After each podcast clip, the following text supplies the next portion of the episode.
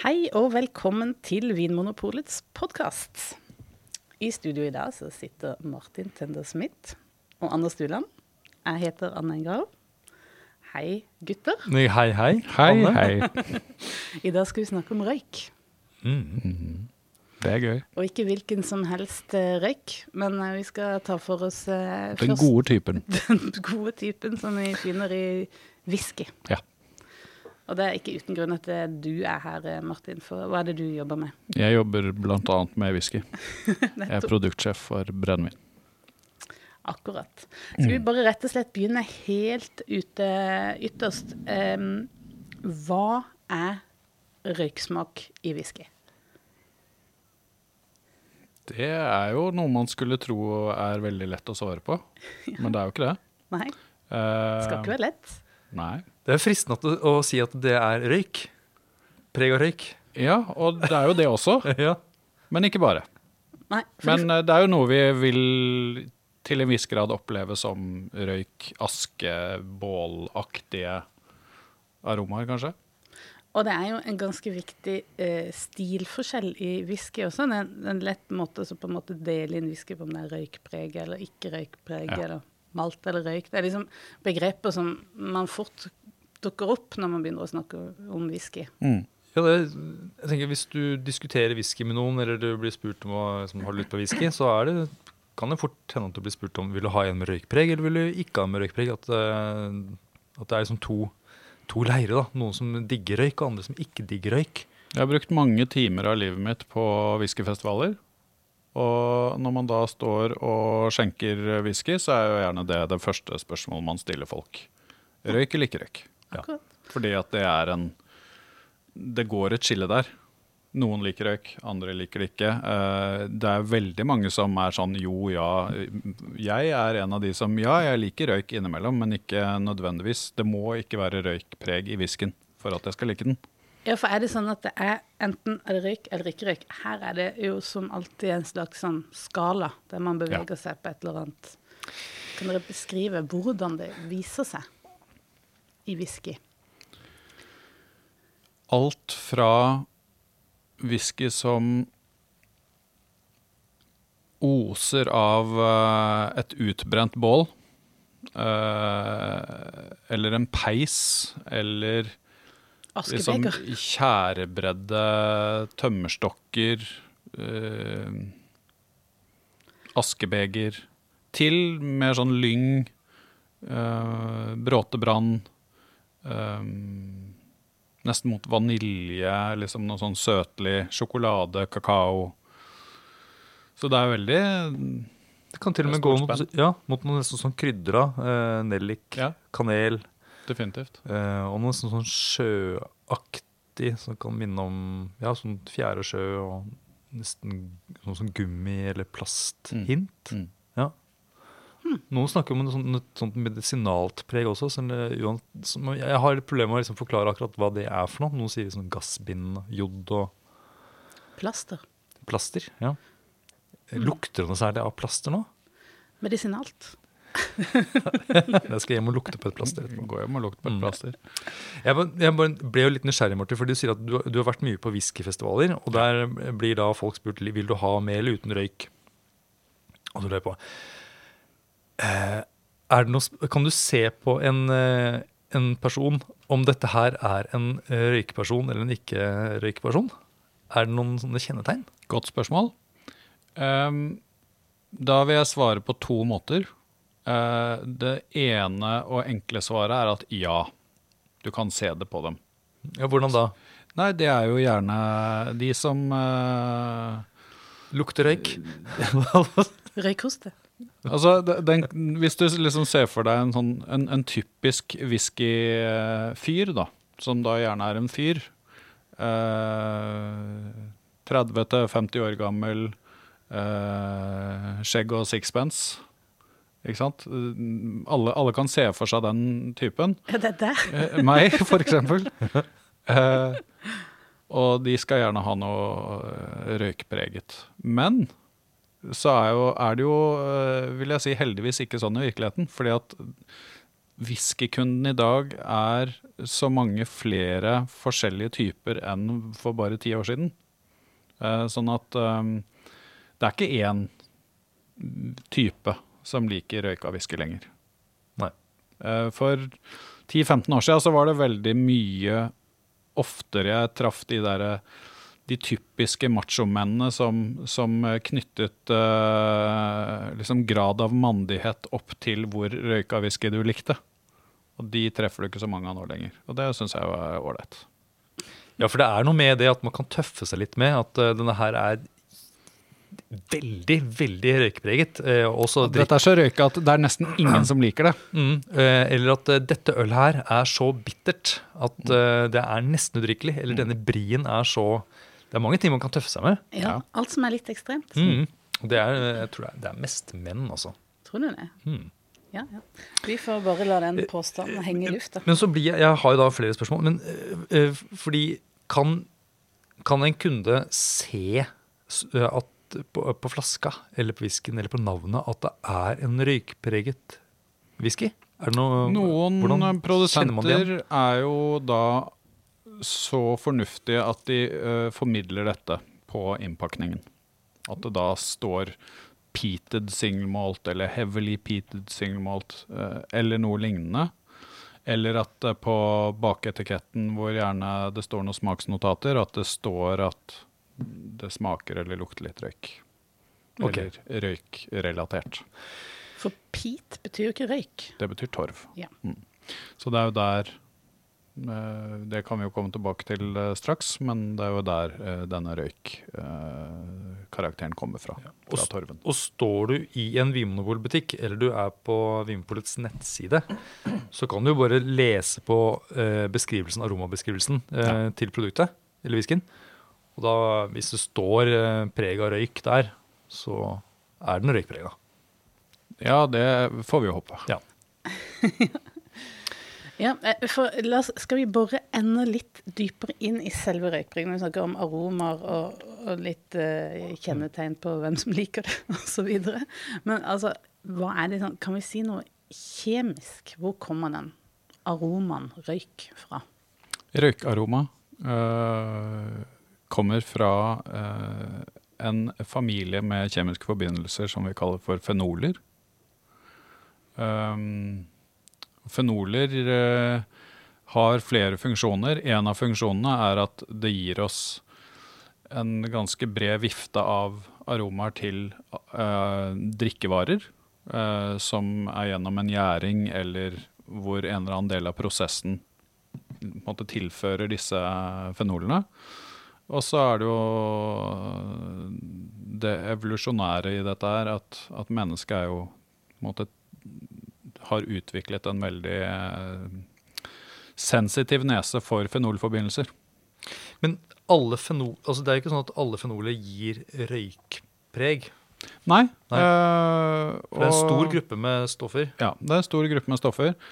Alt fra krydder, lær og litt sånn røsta kaffe, sjokolade, nøtt, kjeks uh, til ja, til mer direkte røyk.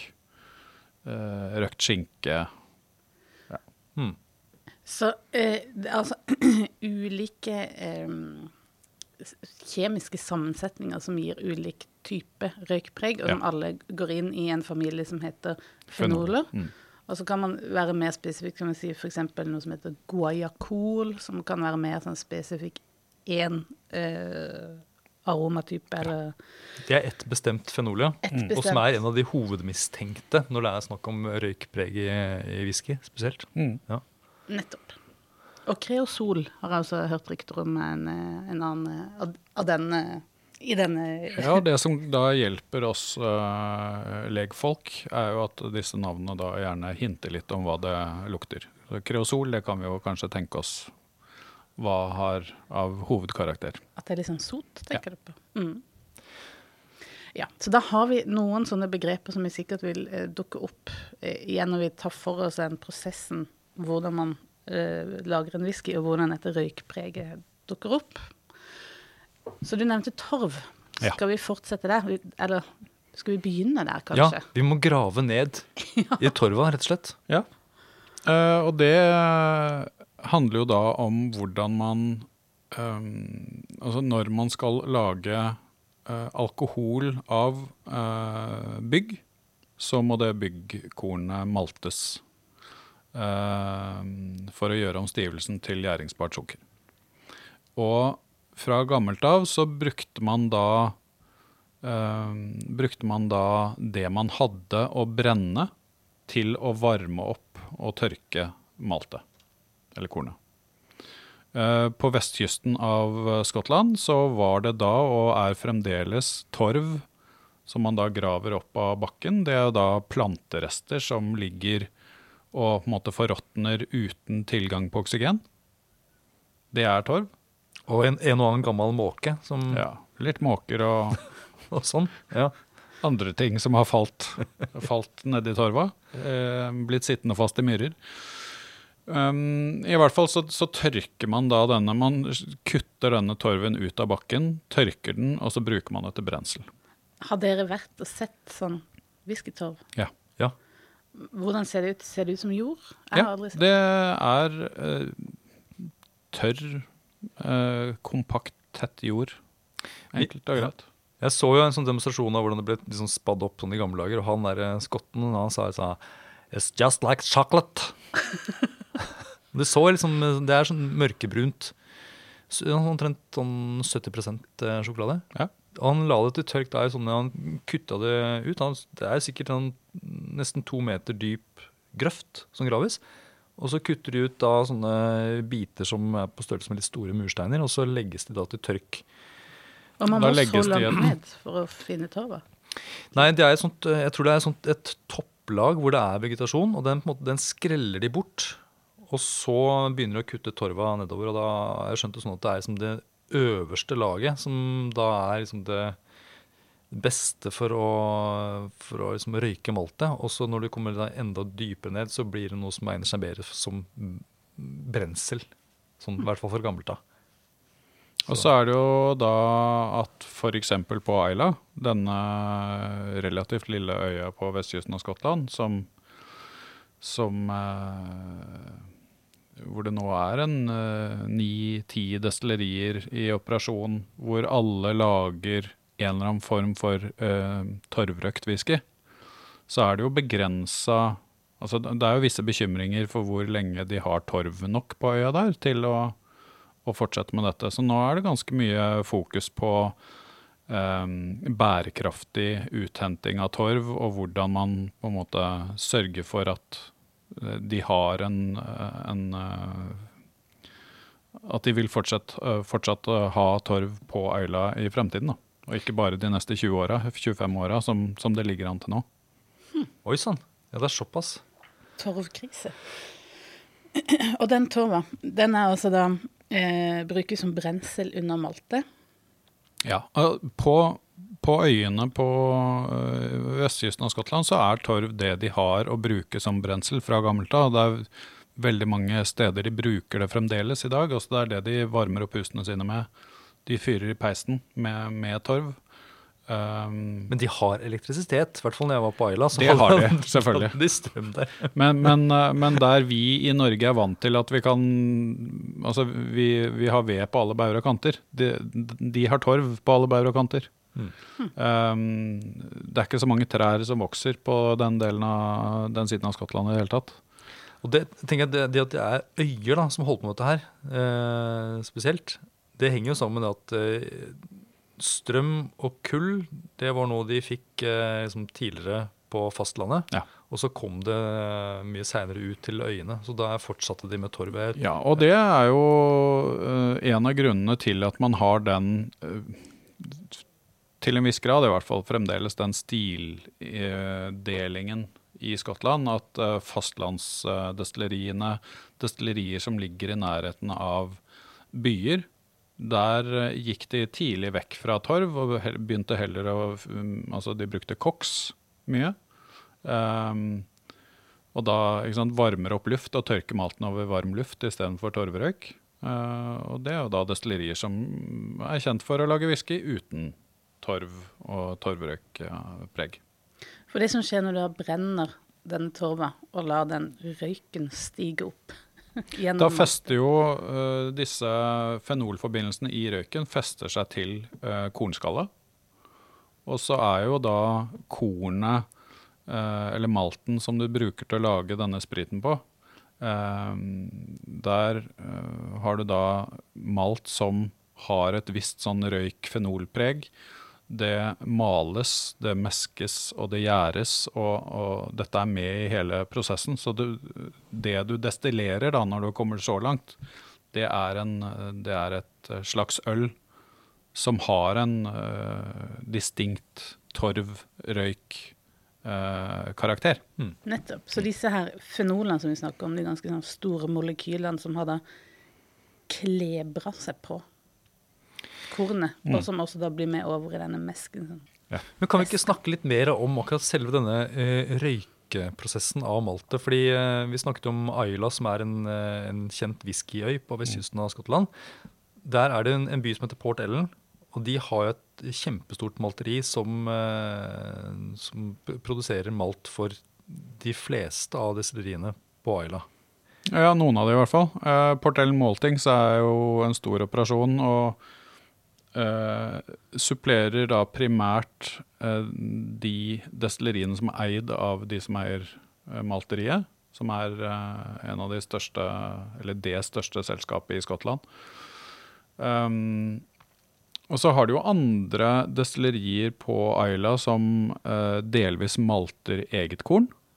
Men klarer de å malte nok til å dekke altså hele behovet i Nei. destilleriet? Nei, det er det de ikke gjør. Det er inntrykk at det er litt sånn for, eh, litt for turistene og litt for å ha Ja, en historie. Det er, det, er, det er nok litt det, og så er det fordi at de ønsker uh, Alle som jobber med whisky på Ayla i dag, de vet at uh, det har en stor verdi for uh, destilleriet, altså for merkevaren, at det ligger der det ligger. Ayla i seg selv har et veldig viktig status da, i whiskymiljøet, whiskybransjen, eh, for kunder, for, for alle. Eh, sånn at når du er du så heldig at du eier et destilleri på Aila, så, så bør du måte, gjøre det du kan for å, for å spille på den stedegenheten. En av de viktige markørene der er jo da maltet. Um, og du har jo noen destillerier på Aila i dag som eh, produserer whiskyen sin på malt som ikke kommer fra uh, dette store malteriet, uh, men som er malt fra høylandet, eller fra, altså fra fastlandsskottland. Men det gjelder vel mesteparten av malten som brukes på Øyla er vel Ja, fra som- fastlandet? Og som ikke er torvrøykt med torv fra Øyla. Akkurat. Ikke sant? Så der har du da et litt annerledes torv- eller røykpreg. Um, og så, mm, så sier man jo at whisky har en stor påvirkning av fatlagring. Avhengig av hvor mange år det ligger på fat, selvfølgelig. Men disse store destilleriene som da hvor whiskyen lages på eh, malt fra det ene malteriet på øya, de fatlagres jo ikke på øya.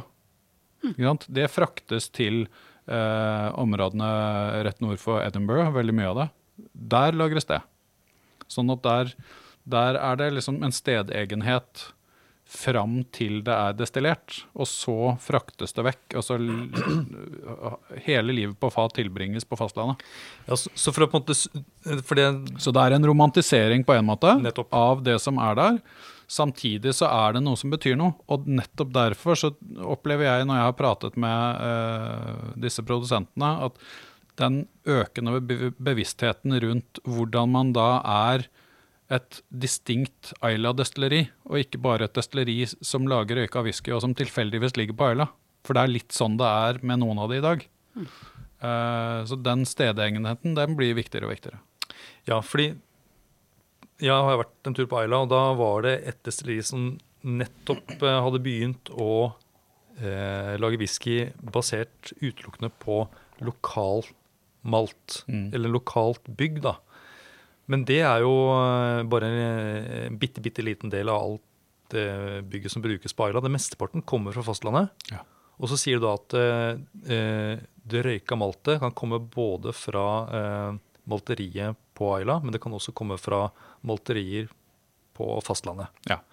Og så sier du da at eh, da, er det da er det snakk om forskjellige typer torv. Mm. Eh, Port Ellen malteri bruker da torv fra Ayla, Mm. eh, mens de andre malteriene bruker torv fra, kanskje fra fastlandet eller andre øyer. Ja. Og da lurer jeg på, eh, kan du kjenne forskjell på torvpreget? ja. Kan du beskrive det? Hva er liksom typisk for en Ayla-torv eh, mot en Altså, fastlandstorv? Det som da er viktig å si først, er jo at eh, det preget stammer ifra hva den torven består av. Torven på Ayla består av gammel sjøbunn. Eh, torven som brukes eh, på, i Speyside, eller på fastlandet i Skottland, er en stor del furu barskog. Eh, og oppe på Oppe i um, Nordøst-Skottland så er det mose og lyng i den torva. Når du brenner eh, torv med mye barskog som base, så får du nesten en sånn gin-preg på spriten. Sånn at, og, det er veldig interessant, egentlig. Og, og dette er noe som er såpass distinkt og, og, og tydelig at man, man, man kjenner det hvis du skjenker oppi en whisky laget på vestkyst øh, med malt øh, tørka over vestkysttorv og øh, Speyside eller Highland-torv, så, så, så lukter du forskjellen. Og den forskjellen stammer da til en viss grad fra eh, hva slags torv som er brukt. Og det, og det, det rimer jo for meg, som er en, eh, en nordmann som har sittet en del ved bål. For jeg merker jo det at avhengig av hva slags ved som jeg legger på bålet, Lukter jo veldig forskjellig. lukter veldig forskjellig. Og det er, Og, ja. og så er det Jeg eh, er såpass heldig at jeg har uh, hatt veldig mye trær på tomta mi hjemme. Eh, så de siste ni åra så har jeg vært selvforsynt med ved. Og det som slår meg da, med furuved Når du liksom virkelig finner de gode stykkene med sånn kjerne, furuved, kjerneved, og, og splitter det med øksa, så lukter det jo litt sånn terpentinaktig, sånn kjempedeilig ja, det er deilig. ja, Det det, er nest- lukter helt nydelig. Nesten som røykelse. Eller sånn, eh, ja. Ja. Mm. Og litt det Liksom i det landskapet der er du med uh, røykawhisky som da er uh, Hvor torva kommer fra Spacer. Ja. Mm. ja. Jeg kjenner jo den eineraromaen som du beskriver også. Mm. Veldig, veldig spennende. Det er veldig spennende. Eh, så vi er altså, la oss si vi da på en måte besøker da et, dette malteriet i Port Ellen. Eh, kjempe, kjempe, kjempestort bygg. Det, ser, det er ikke noe vakkert. En stor sånn kloss. Fabrikk. En fabrikk. Og, det, eh, og jeg har ikke vært der inne, men jeg har vært på et annet destilleri på Ayla hvor de da røyka, røyka maltet. Men jeg vet ikke hvordan de gjør det da i eh, dette store malteriet. Er det sånn Nei, det vet egentlig ikke jeg så veldig mye om, for jeg har ikke vært der inne, jeg heller. Men vet du om de tørker maltet først, og så behandler de med røyken? Eller eh, tørker de maltet med røyken? Nå er det sikkert veldig mange som hører på dette her, som har vært på dette malteriet, og som vet dette veldig godt. Ja. Eh, Så jeg, jeg kan ikke gjøre noe annet enn å anta og gjette. Eh, Men jeg vil anta at eh, deler av det lages på tradisjonell måte, altså gulvmalting, hvor det er perforerte gulv hvor denne torvrøyken siver gjennom og måte setter smak på eh, maltet. Og så er det mm, noe som lages på en moderne måte i sånne tromler, Ja. hvor du rett og slett eh, eh, Svære tromler hvor du eh, måtte, blander du, du introduserer røykpreget på en litt annen måte, da, enklere måte. Skulle du tro at du har større kontroll hvis du har et ferdig tørket malt, og så eh, røyker det? Mm. Det var i hvert fall, altså når jeg var på dette destilleriet eh, og fikk eh, demonstrert det der, så da var det jo ferdig tørkemalt. Og da lå det da i eh, på et sånt type eh, perforert gulv Mm. i, i et sånt rom. Og da et stykke ned så under så lå det da var det en ovn der det lå oste eh, torv. Mm. Det er ikke sånn at det brenner jo ikke med flammer. det, det ligger, Nei, det ligger det ligger, bare og ulmer og oser, og det er mest mulig røyk, da. Men er det sånn at det er helt sånn ugjennomtrengelig? Du kan ikke se gjennom, det er helt røykfylt. Ja, det er helt grått inni dette, i dette rommet. Og så er det jo eh, i eh, Ved tradisjonelle whiskydestillerier i Skottland og i andre land, så har du disse pagodetakene. Eh, og det er jo nettopp fra den tiden hvor destilleriene maltet selv. Fordi at den pagoden er jo bare en stor avtrekksvifte som, som lager en strøm, altså en luftstrømning fra eh, fra, mm, så, som trekker røyken gjennom det perforerte gulvet, gjennom maltet og opp og ut. Og så kan du da regulere da eh, hvor røykpreget dette maltet blir. Ja, og det med, gjør man jo. med tid, blant annet. Tid og, og eh, rett og slett blande eh, røyka malt med urøyka malt. Ja. Og så har jeg skjønt det sånn at det er ikke noe vits å røyke maltet en, mer enn maks 48 timer. Eh, hvis du røyker maltet 48 timer, så har du liksom mettet maltet ditt. Du får ikke noe mer effekt av det. Men hvis du, da kan du kontrollere sikkert da liksom antall, altså hvor mye røyk du får i maltet med å ha en kortere røyking. Så vidt jeg har skjønt. Det vil jeg tro. Det er jo en sånn um, masochistisk øvelse, dette her eh, med liksom hvor røykprega whisky greier man å lage. Eh, noe, og der har det jo på en måte vært en sånn litt sånn sensasjonspreget eh, kappløp om vi lager den mest røyka whiskyen, kraftigste røyka whiskyen i verden. Eh, og så blir det jo en teoretisk øvelse, ikke sant? for det er et tall på et papir som forteller oss at ok, her har du 100 000 parts per million Ja, fenoler. de- den må vi tilbake til. Ja. For, for det går an å tallfeste uh, dette Ja, altså man, man måler jo da hvor mange fenolforbindelser altså, i, det er i maltet, og da bruker man altså, målestokken parts per million. Sånn at på en whiskyfestival så vil du øh, gjerne da høre hvor mange ppm er denne whiskyen, spør folk. Og hva spør de om da, egentlig? Det tror jeg ikke de helt vet selv. eh, og det jeg veldig ofte har lyst til å svare da, er at det er eh, litt vanskelig å si. Hvor mange ppm noe er i et ferdig produkt, det, det er det veldig Altså, det, det vet vi ikke. Men det man har tall på Det man har tall på, eller det, det malteriene Og dette er jo en spesifikasjon, råvarespesifikasjon fra produsent til malteri. Jeg skal lage min whisky i den stilen jeg alltid har gjort. Eh, spesifikasjonen på min malt er f.eks. 45 parts per million fenoler i maltet. Men det er ikke det samme som i whiskyen. Nei. Og, og dette Det blir jo da Fenolinnholdet i whiskyen er veldig mye lavere enn det det er i maltet. Og så blir det lavere og lavere jo lenger whiskyen ligger på fat. Sånn at uh, i en, uh, si en 20-30 år gammel uh, whisky som i utgangspunktet er veldig kraftig røyka, så kan du ha nesten ikke noen fenolforbindelser igjen. Men du vil fremdeles lukte det ganske tydelig. Eller smake det ganske tydelig. Ehm, fordi at uh, vårt sanseapparat er så fininnstilt på nettopp fenolforbindelser. Ja, og jeg har jo en interessante tall. Nå sa jo du at eh, det å måle fenolinnholdet i det ferdige produktet, det er jo mer en sånn teoretisk øvelse, eller i hvert fall veldig veldig komplisert å få det til. Men eh, det er jo et relativt kjent destilleri, eh, det kan jeg si, på Ayla, som eh, jeg har liksom noen sånne tall fra her. Og eh, der begynner det med et malt eh, som har 40 ppm eh, fenol. Og når spriten kommer da ut av destillasjonsapparatet, når det da er liksom da et eh, new make, som det heter, før det er gått gjennom lagring, så er vi nede på 25 ppm.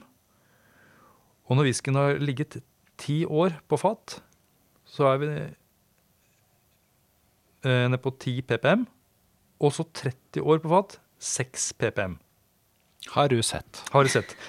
Eh, Hvor ble det av? Ja. ja, Det er jo, man er jo ført bak lyset. Eh, og jeg syns det, er det er veldig interessant, men så sier du Martin, at det, du trenger ikke mye fenoler for at du skal kjenne det som, eh, som et, eh, et, et menneske, holdt på å si. En vis mann fortalte meg en gang at eh, eh, vi mennesker kan eh, sanse, lukte fenolkonsentrasjon ned til 0,1 parts per million. Vi, vi må på en måte, For å illustrere hva, hva er det, altså 0,1 eh, ppm, eller parts per million, det er altså hvis vi ser for oss da et, et eh, svømmebasseng, og så fyller du det svømmebassenget med eh, millioner tennisballer. Ti millioner. Ja, det er, jo, det er veldig, veldig mange tennisballer. Ti millioner tennisballer. Og så er det bare én av de tennisballene som er et sånt eh, røykfenol.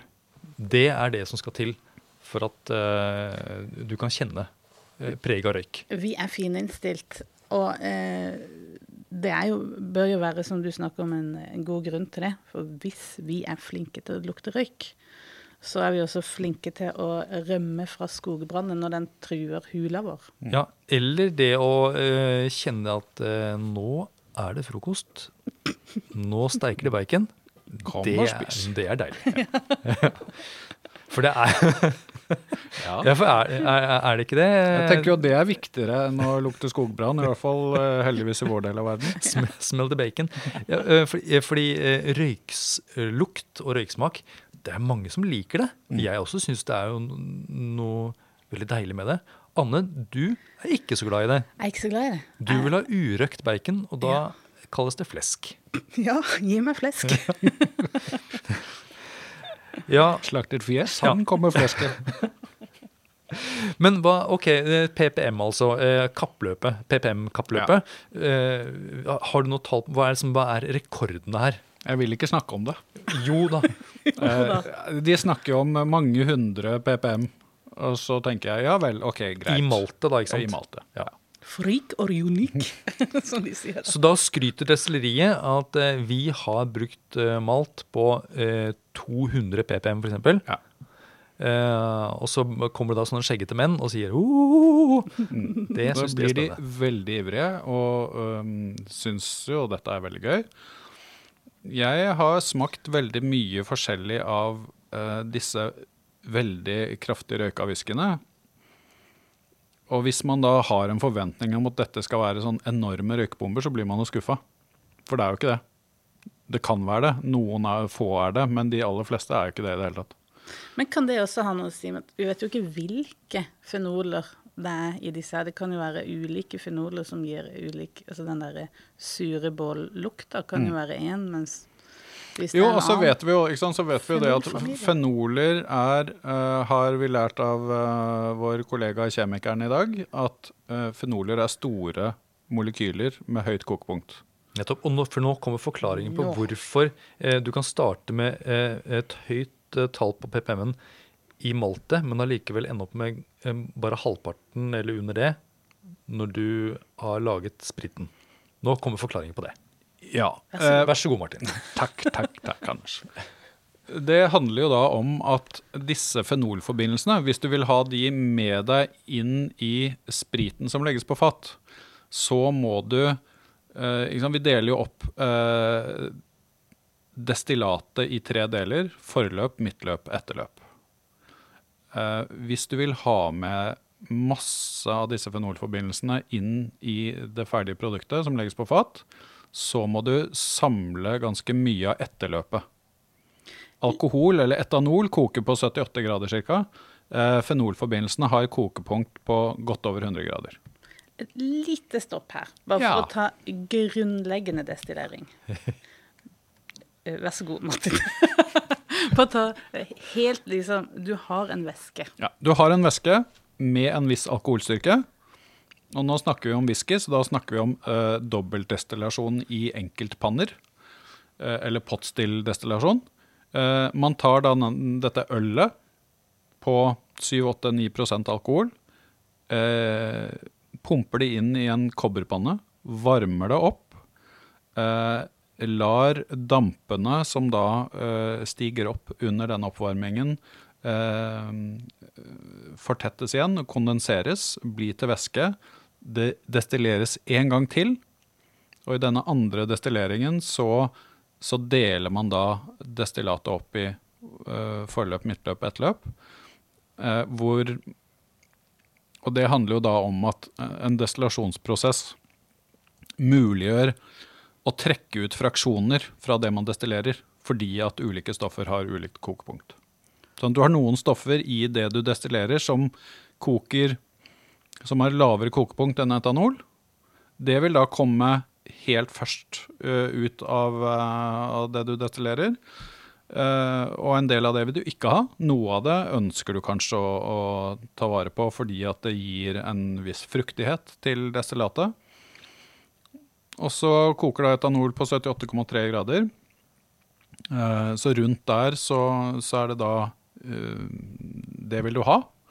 Og så er det da en del eh, tyngre oljer, fusel, fuseloljer og, og, den type ting, eh, som da kommer til slutt. Det vil vi ikke ha. Jo, vi vil oh, ja. ha noe av det. Vi vil ha noe av det. og, og fenolene er på en måte noe av de stoffene som har kommet til liksom De tyngre, de, de, de, store molekylene med høyt kokepunkt. Nettopp. Da skjønner jeg. Sånn at når man da eh, driver et whiskydestilleri, så er man jo uh, opptatt av å lage en sprit som har en viss eh, Altså har en distinkt karakter. At det, den spriten vi lager her, den er det bare vi som kan lage. Og da er jo eh, mange valg underveis i prosessen viktige, men under destillasjon så er jo nettopp da hvor tidlig du begynner å samle opp midtløpet, og hvor langt du lar midtløpet gå. Altså hvor mye av de kraftigere, tyngre stoffene du ønsker å ha med. Det er jo en av de tingene som gir deg en distinkt karakter. Så det betyr at et destilleri da, som starter med et malt som har veldig veldig høy PPM uh, av fenoler Hvis det destilleriet da velger å Eh, ganske tidlig, sånn at den ikke får med så mye av disse tunge stoffene, så Da vil det være et relativt lite, uh, i, lite igjen av det røykpreget i spriten. Nettopp. Og det er jo interessant i seg selv, tenker jeg. Kan være, i hvert fall. Hvis du begynner med en råvare som har potensialet for å gi deg mye røykpreg, men du velger bare å ta noe av det, så kan du på en måte tenke deg at du uh, for meg så handler whisky om å balansere med ytterpunkter. Sånn at du har noe kraftig røyka, og så har du noe litt sånn friskt og fruktig. Og de to tingene spiller veldig godt på lag. Mm. Jeg, jeg, og jeg er helt enig. Jeg tenker at uh, For meg virker det også fornuftig å tøye strikken litt. sånn at du får eh, du Det handler får, om kontraster. Ja, Og få kompleksitet i, uh, mm. i brennevinet. Ja. ja. Og det er veldig gøy. Eh, men selve eh, destillasjonsapparatet eh, kan også være med på å altså, For vi har hørt snakk om dette med langhals, vil gjøre det lettere å ta ut eh, lette, fruktige aromaene. Ja, altså det er jo noe med hvor, hvor lett er reisen for det som fordamper, når det skal bli væske igjen. Hvis den reisen er kort og lett, så er det jo veldig mye som blir med over og som, som kondenseres igjen da, til væske. Mens hvis den reisen er vanskelig, eh, og i et eh, destillasjonsapparat med en, eh, med en høy hals, eh, gjerne med det man eh, da kaller en bowling, eh, boiling ball, på denne halsen, som, som, øker det vi kaller for reflux. Altså at ting renner ned igjen i panna og blir redestillert underveis. Altså, er den, er den turen fra damp til øh, kondensert øh, kon, øh, til væske lang og vanskelig, så blir det du sitter igjen med til slutt, mer fruktig og kanskje litt lettere mm. i stilen. Mm. Det var kanskje veldig vanskelig forklart. Men, Nei, jeg syns det var egentlig veldig godt, godt, forklart. Mm. Akkurat. Ja. Så du kan styre eh, karakteren på whiskyen med valg av røyking av malte, valg av eh, eh, selve apparatet, og også da lengden på eh, destillasjonen. Er det sånn å forstå? Ja, hvor fort du destillerer. Nå har vi jo hoppet bukk over eh, fermentering. Det har vi faktisk. Eh, det skjer jo Det er jo der det aller mest spennende skjer. Som alltid. Ja. Men påvirker det røykpreget, tenker du? Ja, fordi at eh, du lager jo ikke noen nye Det dannes ikke noen nye stoffer under destillering. Det eneste du gjør når du destillerer, er å konsentrere eh, stoffer som allerede finnes der, fra gjæringa. Mm. Eller fra råvaren. Du henter ut det du vil, Ja, på en måte. nettopp. Mm. Sånn at du, det er jo som å ja, du, du, du, du konsentrerer det du ønsker å ta vare på, og så fjerner du det du ikke vil ha. Er det du gjør når du destillerer. Sånn at det røykpreget du sitter igjen med i spriten, det, det er jo definitivt altså Det er jo absolutt til stede under gjæring. Og, og det kan også eh, gjøres mindre tydelig eller mer tydelig med valg under fermentering. Sånn at uh, gjæring er jo alfa og omega. Jeg har snakket med eh, mange destillatører i Skottland, og de, de jeg syns det er mest interessant å snakke med, er jo de som, som er eh, veldig bevisste på at det viktige du gjør på et destilleri, det skjer under gjæring. At destilleringen eh, handler egentlig bare om å måtte samle opp det du har gjort riktig under gjæring. Mm. Men hva er det de gjør uh, forskjellig, da? Jeg, jeg husker når jeg var eh, over i Skottland, så var det mange av de som brukte den samme gjærtypen, en sånn kommersiell, uh, veldig sånn effektiv uh, gjærtype. Ja, jeg syns jo at veldig mange whiskyprodusenter i Skottland har sovet i timen i altfor uh, mange år. Eh, nå begynner vi å se at det skjer noe igjen. For nå har skotske whiskyprodusenter begynt å tenke litt nytt rundt gjæring og bruk av gjær. Men tradisjonelt så bruker man det man kaller for distillers yeast. Som gir et, eh, et Altså hvor, hvor hele poenget er eh, så bra utbytte av alkohol. Altså flest mulig liter alkohol per tonn korn er jo det det handler om. I hvert fall for eh, regnskapsavdelingen til destilleriet.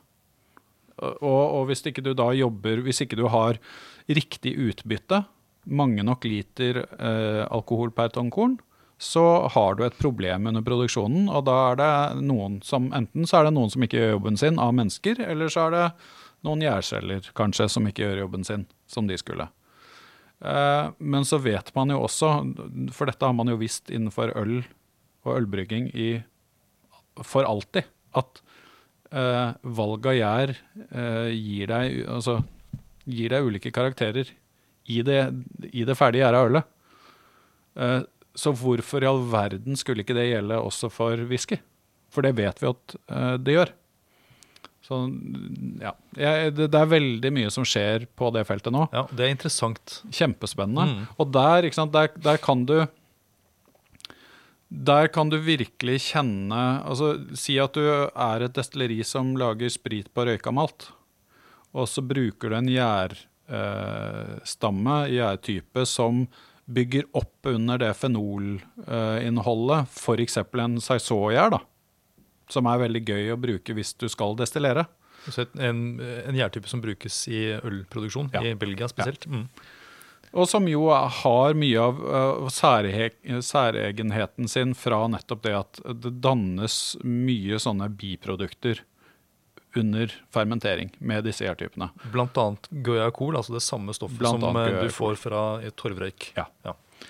Uh, Så hvis du da tar en uh, torvrøyka malt, gjærer med gjærtyper som bygger oppunder og forsterker og gjerne tilfører uh, enda flere av de samme forbindelsene, og så destillerer det for å uh, igjen ta vare på det, så kan du jo ende opp med noe som er helt sånn intenst fenolpreget.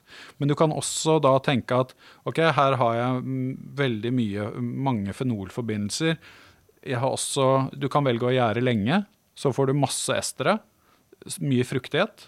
Og så vil du da igjen, du vil sitte med kontraster i det ferdige destillatet som gjør det veldig interessant og spennende, fordi at det, det lukter og smaker mer enn én ting. Mm. Jeg får håpe at eh, skotske destillerier hører på denne podkasten. Så Jeg skal sende det til dem med oversettelse. Men jeg, jeg var og besøkte et destilleri i eh, fjor høst.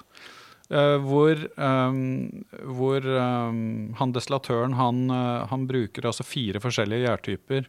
Uh, og han skiller da mellom vårbygg, eh, altså spring barley, sommerbygg, eh, høstbygg og vin vinterbygg. Og det som er Altså det han høster på høst og vinter, Kan man høste bygg på våren? tydeligvis. Altså Yes. sent på våren, da. Eh, tidlig sommer. Helt sjukt. Ja. Eh, eh, og han, ved det destilleriet, så gjærer de da høst- og vinterbygg med i gjærtyper som på måte gir et ekstra sånn fenol. Eh, altså med seg så belgisk eh, gjærstamme, rett og slett. Men det må jo være noe eh, Altså, de må jo ha kryssa over i hverandres leire, ølbryggerne og, og, og whisky. Det, altså, det må jo være noe samarbeid her. Det er jo rart at de sitter sånn atskilt. Eller er det Det er Ja. kanskje det som skjer? Nei, altså du ser jo i Statene så er det jo ikke så atskilt i det hele tatt. I Statene så ser du mange eksempler på destillerier som eh, måtte ta med seg ting fra ølverden. I mye større grad enn det det har skjedd i Skottland til nå. Eh, I Skottland så har jo på en måte øltradisjonen vært at du lager relativt eh, hva skal jeg si, eh, enkle, enkle brygg, da. Det er veldig sånn maltdrevne øl, de skotske eller britiske ølstilene. Noen er, har eh, intenst gjærpreg. Eh, Myses er jo eh, veldig kjent karakter i noen engelske ølstiler, men i de skotske ølene så har det vært veldig sånn malt eh, og ferdig med det. Um, så der er det ikke De er ikke så veldig komplekse, de skotske ølene. Det er kanskje en at det, er en sånn eh, skotsk gnienhet, på en måte. Det er eh, de skal på en måte, Det skal gjæres til alkohol, eh, og så ferdig med det. Er, er jeg slem nå? Ehm, nei, jeg vil ikke si du er slem. Det er nok en forenkling, men hvorfor det er sånn, det vet jeg jo ikke. Nei.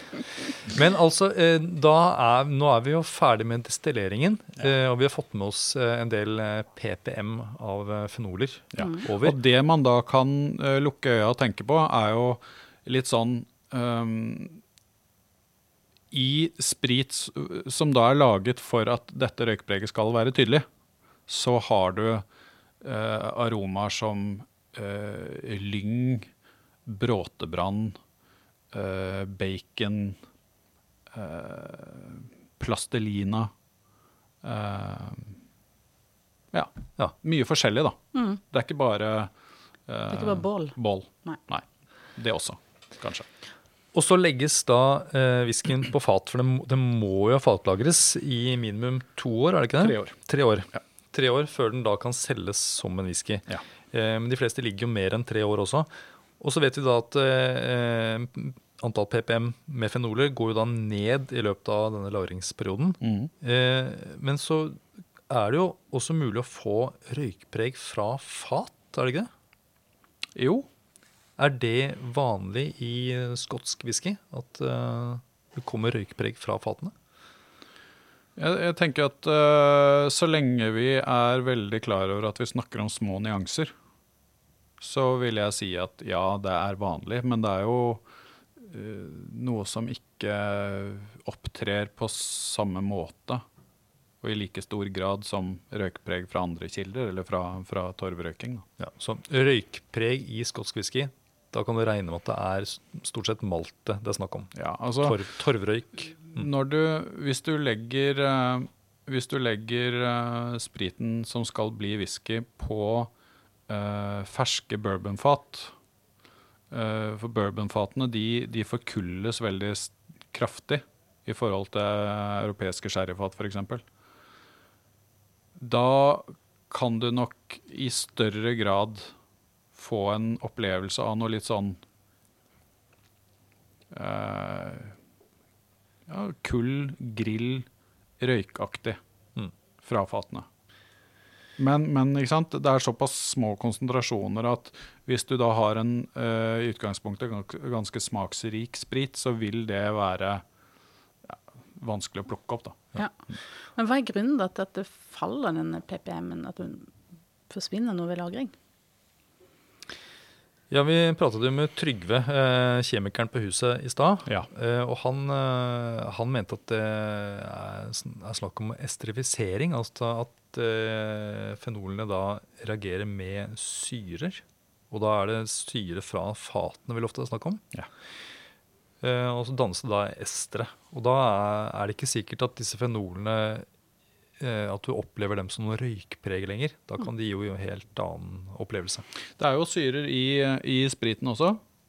Uh, så denne, denne esterdannelsen under fatlagring er jo noe som jeg tenker at er veldig interessant, fordi at uh, mange tenker på whisky som en sånn uh, Først så lager du sprit, og så legger du den på fat, og så får du whisky. Ferdig. Eh, vis, liksom, du lager whiskyen eh, på fatet. Og så er det veldig mange som tenker at man lager alkoholen under destillasjon, eller gjæring og destillasjon, og så lager du whiskysmak under fatlagring. Det er en veldig tradisjonell måte å, å snakke om dette på. Og det er jo bare sprøyt. Fordi at alt dette spiller jo på lag eh, hele tiden. Det er en kontinuerlig prosess. Det, det forandrer seg hele tiden. Eh, og det dannes estere under gjæring. Eh, det dannes estere under fatmodning. Det betyr at det skjer noe med det som er på de fatene underveis. Mm. Du får økt konsentrasjon, faktisk, under fatlagring. Du får økt Du øker innholdet av estere i det som ligger på fatene. Og så vil da fenolinnholdet reduseres, fordi at det skjer en reaksjon med syrene som er til stede. Jeg har jo også lyst til å, siden vi nå snakker om røykpreg, øh, så har jeg lyst til å snakke litt om dette sjøpreget, som øh, mange kjenner og snakker om øh, når det gjelder sånn skotsk fiske. Ja. Spesielt de der vestlandsfiskene, øyfiskene. Eh, og da fins det historier om eh, at dette sjøpreget stammer fra um, sjøen, altså havet, som, eh, altså sjøsprøyt, som da slår innover lagerbygningene der fatene ligger. Ja. Eh, men problemet mitt er jo at jeg har kjent dette sjøpreget i eh, eh, whisky destillert på Ayla, men som har blitt fatlagret på fastlandet, altså langt unna havet. Mm. Så da lurer jeg på, stemmer det? Det eh, henger det sammen med sjøsprøyt, eller har det en, kanskje noe med torvrøyken å gjøre?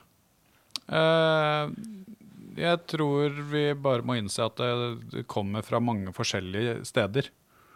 Um, noen whiskyer har dette preget fordi at de er laget på eh, malt som er torvrøyka på, ja.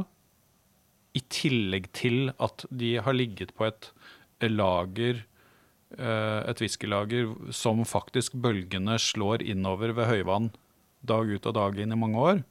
Eh, hvor mye den sjøsprøyten setter smak på, på spriten, er jo veldig vanskelig å kvantifisere, tenker jeg. Men at, at det du lagrer i noe som ikke er hermetisk forsegla, får preg av stedet det lagres på, det tror jeg vi alle kan si at det er fornuftig å tenke. Det er logisk.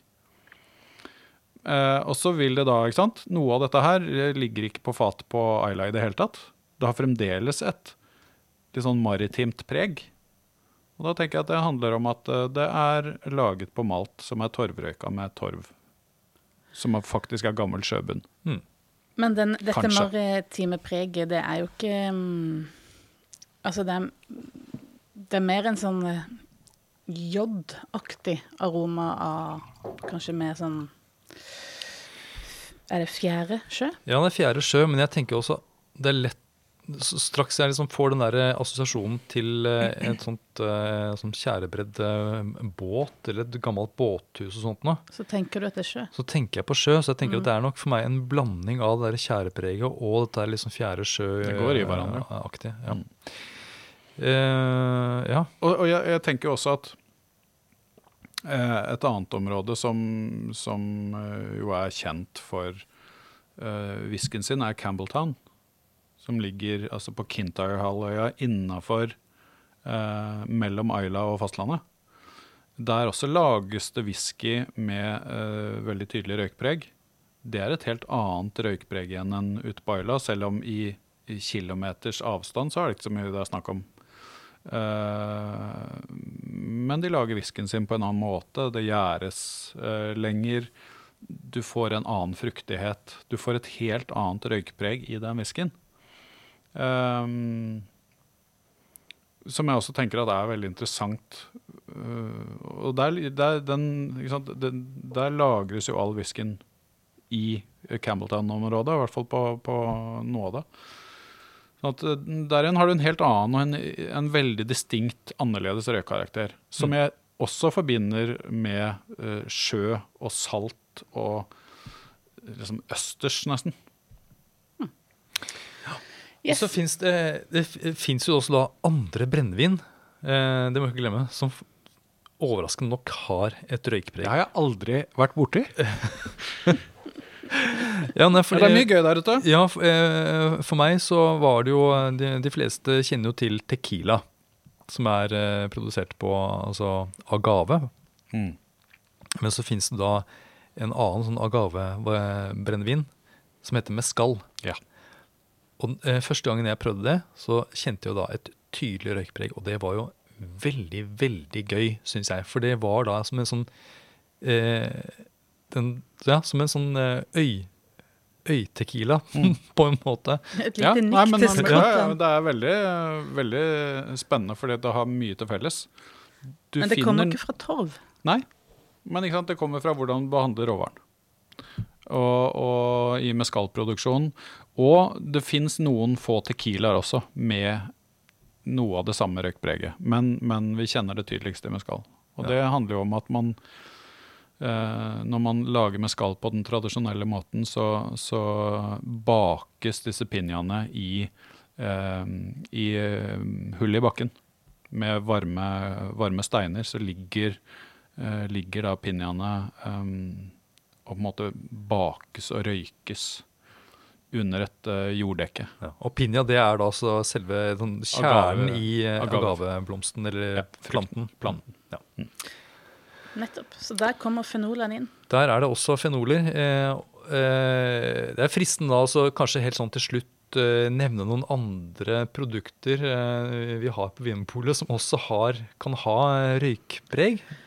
Ja, Når det gjelder vin, så er det jo ikke så veldig vanlig. Vi kan jo få litt røykpreg fra fatet, som vi var inne på. Mm. Men det blir jo ikke sånn Ayla-røykpreg av det. Men jeg syns jeg har liksom smakt noen rødviner innimellom som lukter bacon. Ja.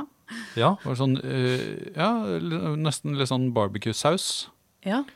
og det kan Det da henge sammen med eh, brenning av eh, fatet. Mm. Men eh, vi vet jo også at eh, eh, det er en, en gjærsopp, bretonomyces heter den, som kan gi noen sånne stoffer. Eh, blant annet guacol, da. Som eh, kan gi et sånt sånn brent, eh, brent preg. Mm. Eller sånn hint av noe som brent gummi. Eller medisinalt. Litt Ja. sånn som med whisky. Mm. Ehm, men også finnes, er det jo da, og det er jo veldig aktuelt nå, da, nå som det er såpass mange skogbranner i Australia. Og Australia er et land som produserer mye vin også. Og det er jo et, eh, et problem, et kjent problem, det at hvis det er eh, skogbrann i nærheten av vinmarker, så eh, kan druene bli røykprega, og da blir vinen røykpreget også. Og så Det er heller ikke så uvanlig, men hvor ofte slik vin kommer på markedet, det er jeg litt usikker på. Altså, Nå har det jo vært mye branner rundt uh, i, um, i California òg, men jeg har ikke smakt noe sånn uh, skogbrannvin. Nei. Men det skal bli spennende å se om eh, Det blir da 2020-årgangen eh, i Australia det er snakk om. Og ja, kanskje kjenne etter oss ja, kanskje det blir litt, eh, litt røykpreg i noen av vinene.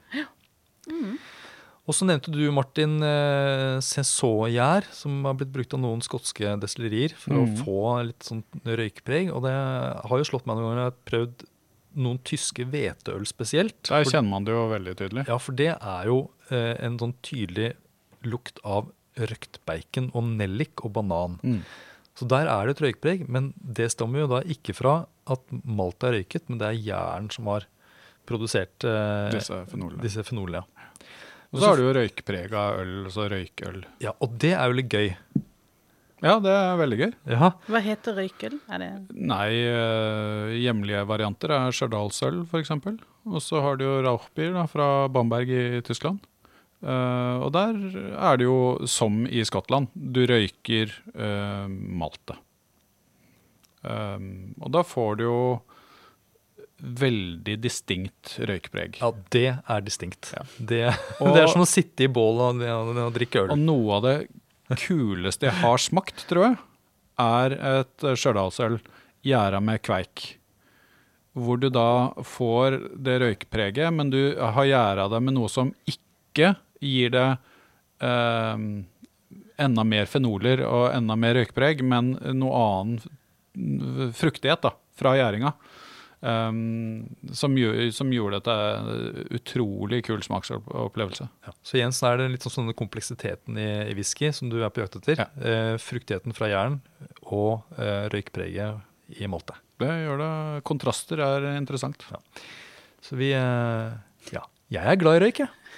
Ja, eh, gi meg flesk, sier jeg. Slakter flesk, kommer flesket. Jeg tror vi har vært gjennom det meste, egentlig. Ja. Bare Kanskje. ett lite s- aller, siste.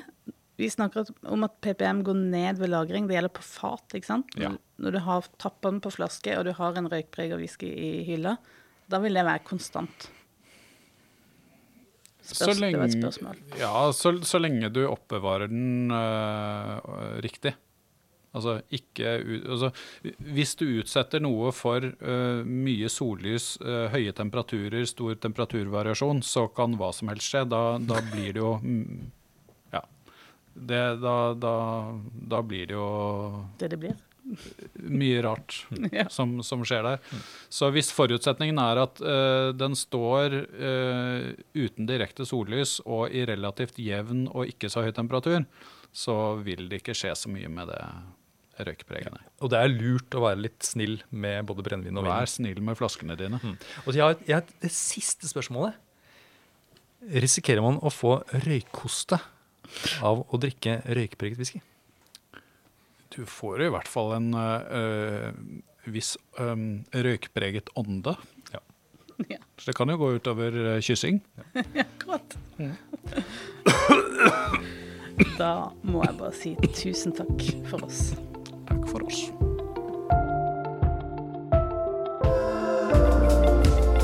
Takk for at du hører på Vinmonopolets podkast. Har du forslag til et tema i podkasten? Send mail til podkast at vinmonopolet.no. I tillegg svarer kundesenteret deg på e-post, chat og telefon.